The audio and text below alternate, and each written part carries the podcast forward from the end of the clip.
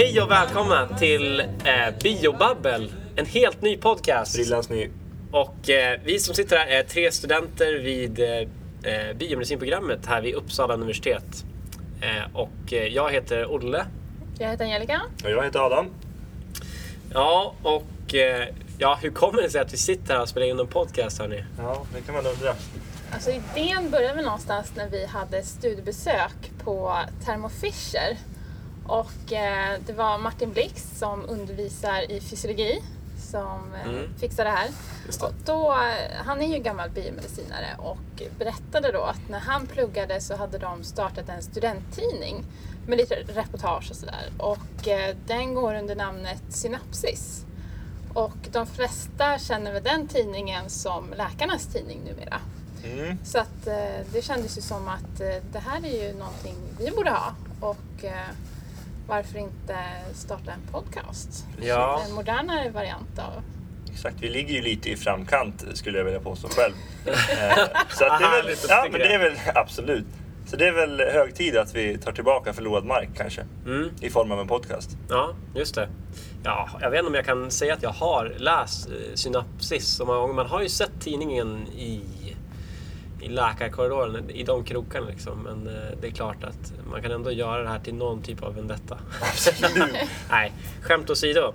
Eh, så hoppas vi kanske att den här, ja vad ska man säga, att den här podcasten kanske ändå kan bidra till gemenskapen på biomedicinprogrammet, att man känner att man hör hemma någonstans. Vi är inte så många studenter eh, om man jämför med andra medicinutbildningar kanske. Det är väl kanske 50 personer i första årskursen, 30 i andra och vi är väl 20 stycken, någonting kvar. 20 tappra. Eh, år tre. Och utbildningen, den finns väl på eh, hur många orter? Jag vet att det finns i Lund, på KI och eh, i Uppsala och i Umeå vet jag att biomedicinprogrammet Så finns. Linköping och Örebro har också. Och Skövde också. Just det. Mm. Så det är väl sju, sju orter. Eh, Men eh, vi tänkte väl att det här första avsnittet ska vi försöka etablera och fastställa på något sätt vad biomedicinprogrammet eh, faktiskt är för någonting och hur det kommer sig att man kanske eh, skapade utbildning till, till att börja med. Det är ganska oklart vad en biomedicinare gör. Alltså jag kommer ihåg vi hade en etikdag på programmet för ett tag sedan och en föreläsare eh, sa det då att liksom, ja, vad, ja, vad, är, vad är det ni biomedicinare ska göra?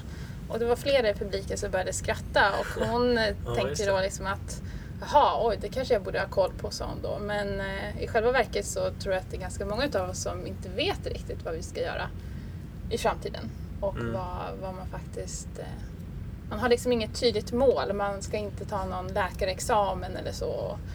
Det, det är lite oklart. Ja, det är, när man inte har en yrkesförberedande utbildning så blir det ju lite skumt vad man faktiskt blir. Vi blir lite, lite bättre på biologi och medicin men eh, vi har ju egentligen ingenting som säger vad vi ska göra när vi är klara. Det känns ju som att det kanske finns eh, två spår som man kan ta. Antingen eh, det ena in i den privata sektorn där man jobbar inom läkemedelsföretag eller biotechföretag eller att man fortsätter med en eh, PhD eller en doktorandstudie och forskar då. Och eh, ja, eller vad säger ni? Ja, nej men det är väl bra. Vi ska försöka reda ut de här begreppen och, och presentera på något sätt vad, vad man egentligen har för, för möjligheter när man har pluggat biomedicinprogrammet. Mm. Eh, och se, se hur det kan utveckla sig även efter kandidatexamen. Och det är väl lite det som vi har tänkt. Mm, spännande, Yes. tycker jag själv. Men vi tänkte vi måste ju angripa det här på ett naturvetenskapligt sätt. Och då måste vi definiera liksom, vad, vad är det vi håller på med. Då måste vi börja från början. Mm. Så att eh, vi, eh, vi, vi tar och grottar ner oss i det här och eh, kontaktar några personer som kanske var med där startade, tycker jag. Mm, Det kan vara ett härligt. bra steg. Erik Fries kanske kan vara en passande första person. Eminente professorn, Dr. Fries. Dr. Gud, jag tycker verkligen att det är, det är roligt att föreställa sig. Alltså när han, för jag vet att han gjorde en del av sin utbildning i USA. Och han, han var alltså Dr. Pommes frites. Det är jättehärligt.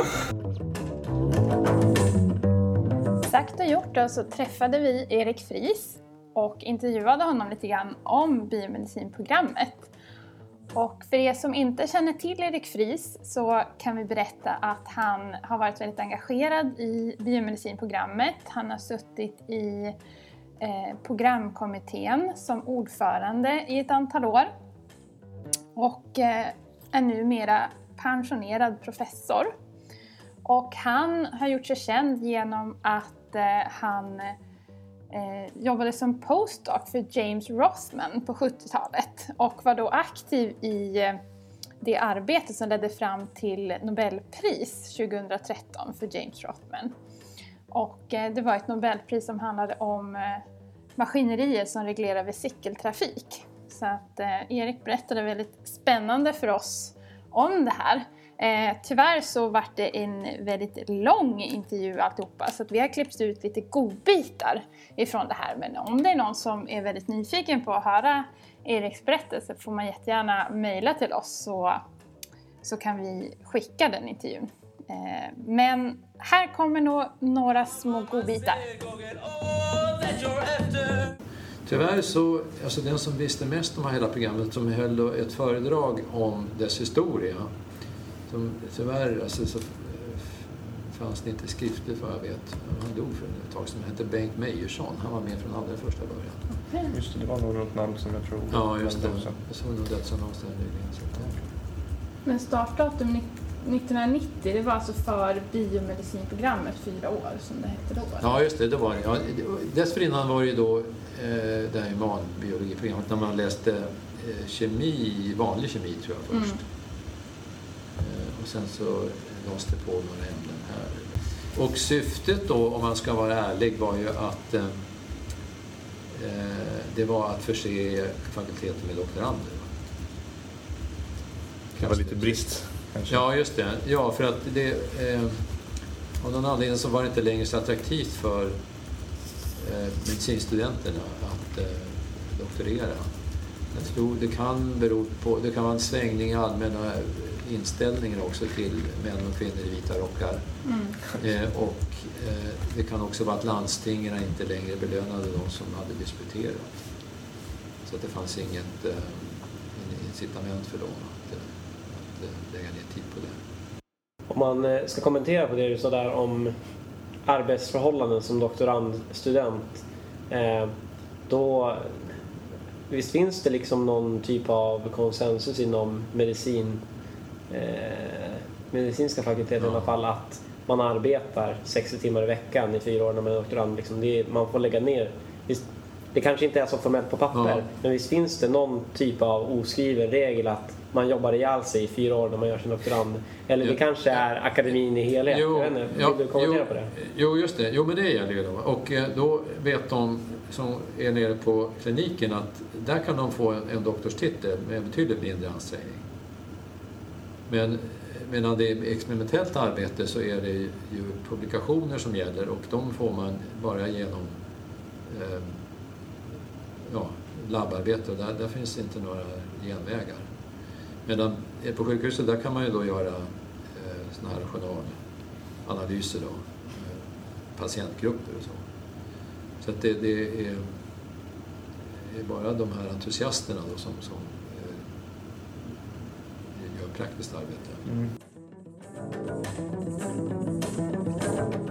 Jag har för mig att du berättade förut att Rothman han, eh, han skickade en liten plansch till dig eh, med jag tror du berättade att det var, att det var pipetten Nej, som användes i det nej, första det. experimentet. Hur var Ja, det? ja, nej just det. Eh, och sen när jag skulle lämna Stanford, strax innan det så kom Jimmy in till mig på labbet och sa han, vilken homogenisator var det som du använde?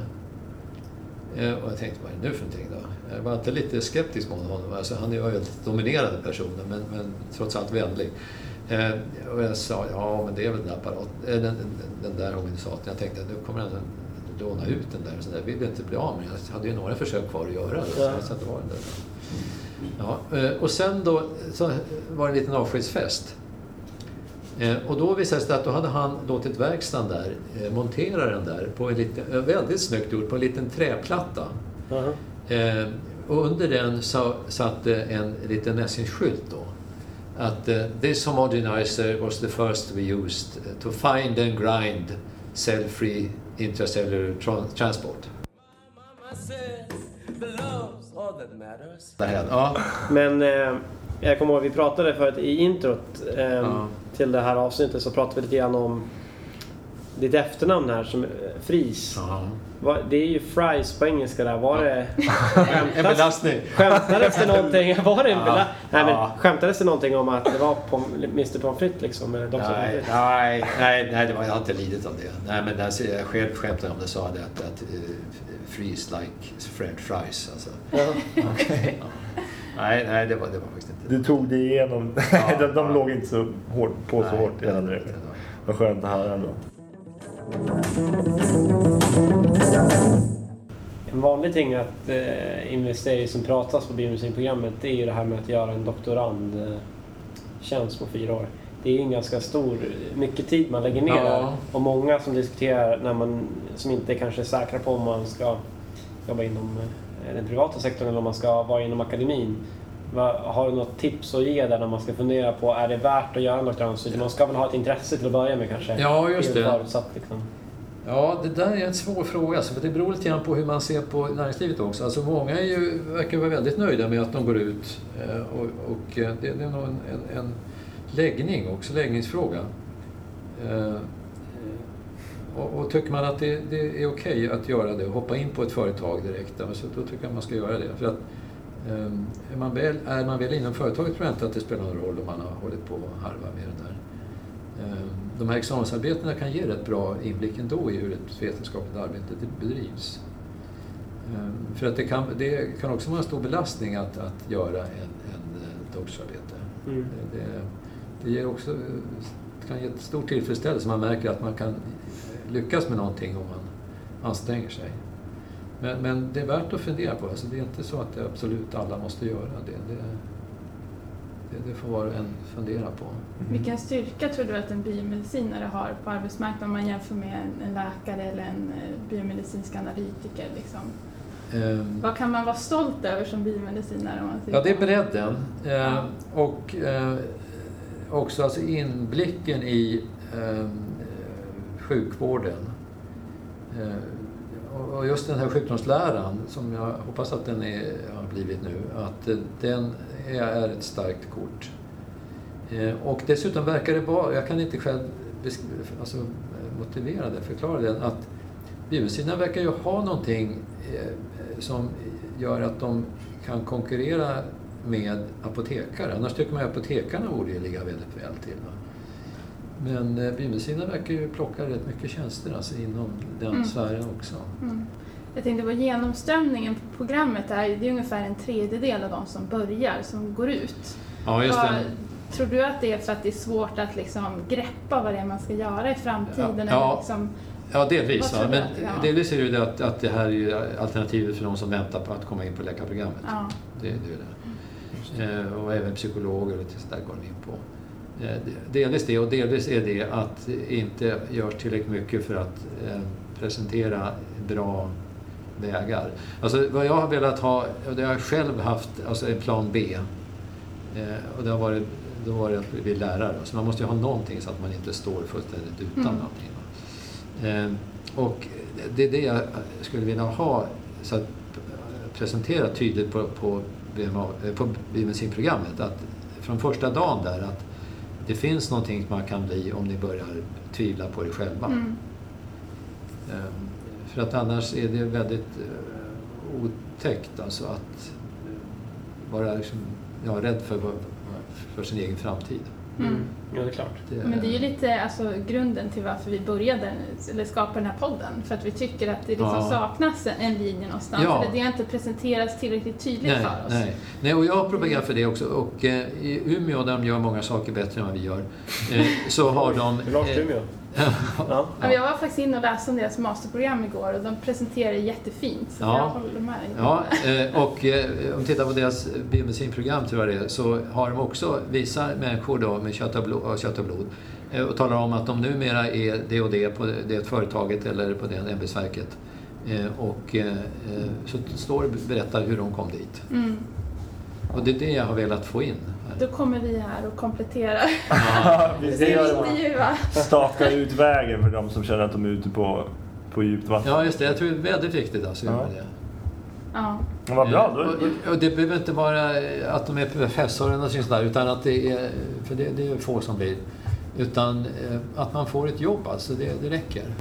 Ja. En viktig fråga kanske ändå kan jag känna. Har du använt professorkortet i något typ av sammanhang i vården? Att du liksom jag är professor i biokemi. Nu gör du som jag säger. Nej, ja, ja, nu formulerar jag det som så att jag ska säga nej, men eh, nej, nej, jag, ja, nej, jag, jag försöker. Jag, och det, har liksom, det ligger i tiden också.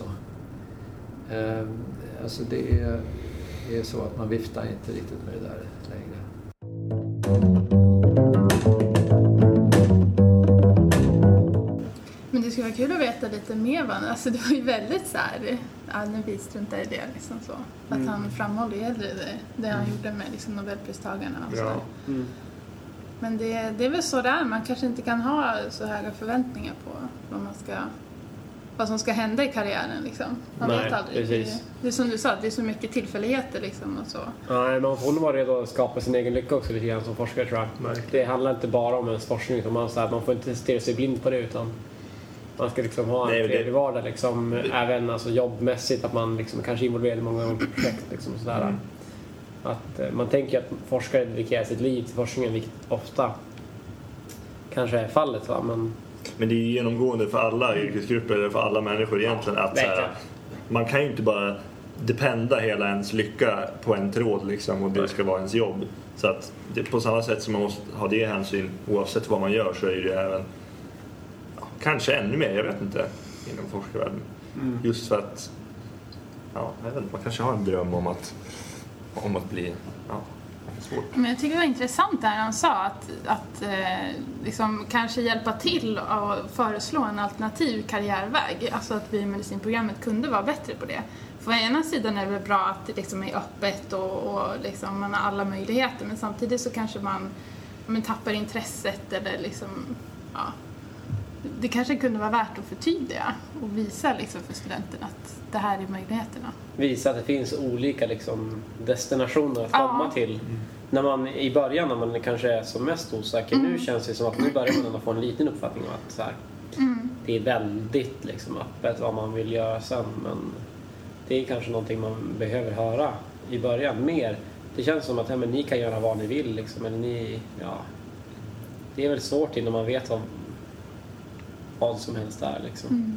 Men det var ju som du sa att, att utbildningar idag, ja, det kanske inte är någon generell regel men att det är mycket så att eh, det är så himla väldefinierat. Mm. Normalt sett. så. så. Som han hade börjat med fysik och matte och Mm. ända Ja. upp till, alltså så han vi gjorde ju uppenbarligen en master eller var det, när började man? Han var, doktorerade väl då efter fem år också eller efter fyra år började han på sin doktorand. Jag fattar inte hur lång tid det var men. Nej. Men, men då, skulle bara, nej, men då var det biologi han ville hålla på med. Så då Ja. hoppade han över till det. Liksom. Nu om man har pluggat, börjar man doktorera i någonting nu, det känns ju inte som att så många skulle, ja men om vi, börjar, om vi doktorerar om något år liksom. Bara, Nej men det är, jag vill hålla på med geologi eller så här, matte. nej. alltså det, det känns ju som ett mycket större steg. För, för honom. Då var det ändå, verkar som att det kom ganska, nej men det var lite biologi, ja, men jag hoppade över på det liksom. Det var inte något problem på det sättet att byta, byta håll kanske. Men det är väl ganska hetsigt nu liksom att eh, kanske om man, om man nu kommer från en, en familj med akademisk bakgrund att man liksom, man ska producera någonting, man ska göra något, man ska ta examen och, och liksom, det finns vissa krav. Eh, och sen om man inte kommer från akademisk bakgrund så är det mer så här, vad, vad ska du bli när är du klar? Liksom att det är fokus på det. Så att det, det är alltid liksom att man måste producera någonting färdigt. Eh, det kanske är dumt, för jag menar om han berättar sin karriär, det är ju väldigt mycket liksom intressedrivet hela tiden. Att okej, då tog jag kontakt med den och sen åkte jag dit och liksom, det är ju inte så att någon har visat att det här Erik ska du göra. Utan han har ju verkligen kört och jag tror att det är genomgående för många som lyckas. Att man vågar liksom spinna off på, på idéer. Ja. Och sen att det, det måste liksom vara forskning. Det känns som att det måste vara intressedrivet. Va? Jag menar, det är ju en enorm press egentligen om man tänker. Liksom, det går ju ut på att man ska publicera artiklar. Ja, när man har varit ute på labb då har man ju jättemånga, det är väldigt mycket snack om nu måste man få ut ett pek liksom, som eh, framförallt gör att man har en inkomst. Ett pek, alltså en artikel? Eller? Precis, en, en vetenskaplig artikel. Ja, just det. Eh, Mm. Vi borde ta kontakt med någon doktorand för att liksom, det är inte alla som går i, i ettan och tvåan på programmet som vet liksom vad, vad är att doktorera. Alltså, jag hade, nu har jag en, en sambo som gör det men annars hade jag inte vetat liksom, vad, vad det innebär. Så Mm. det, det, det lär vi göra. Söka upp Absolut. Det finns ju en del här i Uppsala som är gamla biomedicinare som doktorerar nu så det kanske en, en bra approach för att eh, reda ut liksom doktorandbegreppet och vad det innebär och är det alltid fyra år eller kan det vara mer än fyra år? Är det en anställning med en student liksom? Man hamnar vid något eh, typ av gränsland mellan studenten och anställd, alltså anställd på universitetet. Det är ju mer både och kanske än antingen eller. Ja. Ja, det tål att spåna vidare på. Verkligen. Tycker det var skönt att vi fick reda ut den här pommes frites-frågan i alla fall. Ja, det var skönt. Eh, Och att, ja, men det var bra att det kom med för att det var ju absolut en undran. Det känns ju jättehärligt att Att han hade tänkt i de banorna själv. Ja, precis. Ja, han är ju medveten om att han låter Han som... såg sig själv som Dr. Pommes frites. jag hoppas ändå det. Ja, ja nice. Då blir man lite glad ändå. Ja. Ja, nej men ska vi utlova någonting för eh, nästa avsnitt? Vi, vi har ju mycket idéer nu att spinna vidare på. Vi tycker väl inte att vi har kommit fram till vad... Eh, vi har inte definierat en biomedicinare riktigt tydligt så att vi fortsätter med det. Det blir en fortsatt jakt på den här frågeställningen helt enkelt. Absolut. Vad fan gör man som biomedicinare? Precis. Men vi har kanske ett steg närmare svaret känns det ändå som. Kan man säga det med äran i behåll att vi Ja, har kommit lite närmare Ja, vad en biomedicinare gör? Och några roliga historier på vägen också. Absolut. Definitivt. Okej. Så vi utlovar en... Vi har ju en, en intervju faktiskt med en tjej som har valt en lite annan väg. Eller hon har gjort ett avsteg. Och eh, ska vi säga det? Ja, gör det tycker jag. Men vi, vi, eh, nästa gång så kommer Malin Olsson och berättar om sitt eh, volontärarbete i Tanzania och Indien. Så Som biomedicinare va? Precis, hon är ju biomedicinare i botten. Då. Så att det blir jättespännande att höra. Man kan alltså volontärarbeta som biomedicinare. Spännande. Mm, verkligen. Bra, då tackar vi för oss för den här gången. Vi får väl säga också att eh, om man har kommentarer på programmet eller vill komma i kontakt med Erik här till exempel så kan man skriva mejl, biobabbel.gmail.com Ja. Mm. Sen eh, så ska vi väl komma igång med någon Instagram-sida här så småningom. Precis. Tog vi inga kort på Erik, det skulle vi ha gjort. Det skulle vi ha gjort. Frågan är om man fastnar på bytt. Köpa ett, ett, ett pommes frites-mål till honom. Ja, Nej usch, jag vet inte varför, varför har jag fastnat på pommes frites-grejer? Jag måste ge Det mig. är kul. Jag vill verkligen att det Det är ska vara kul. så. Ja. Ja, men vi rundar av och tackar för oss. Ja, tack, tack. Adjö, adjö.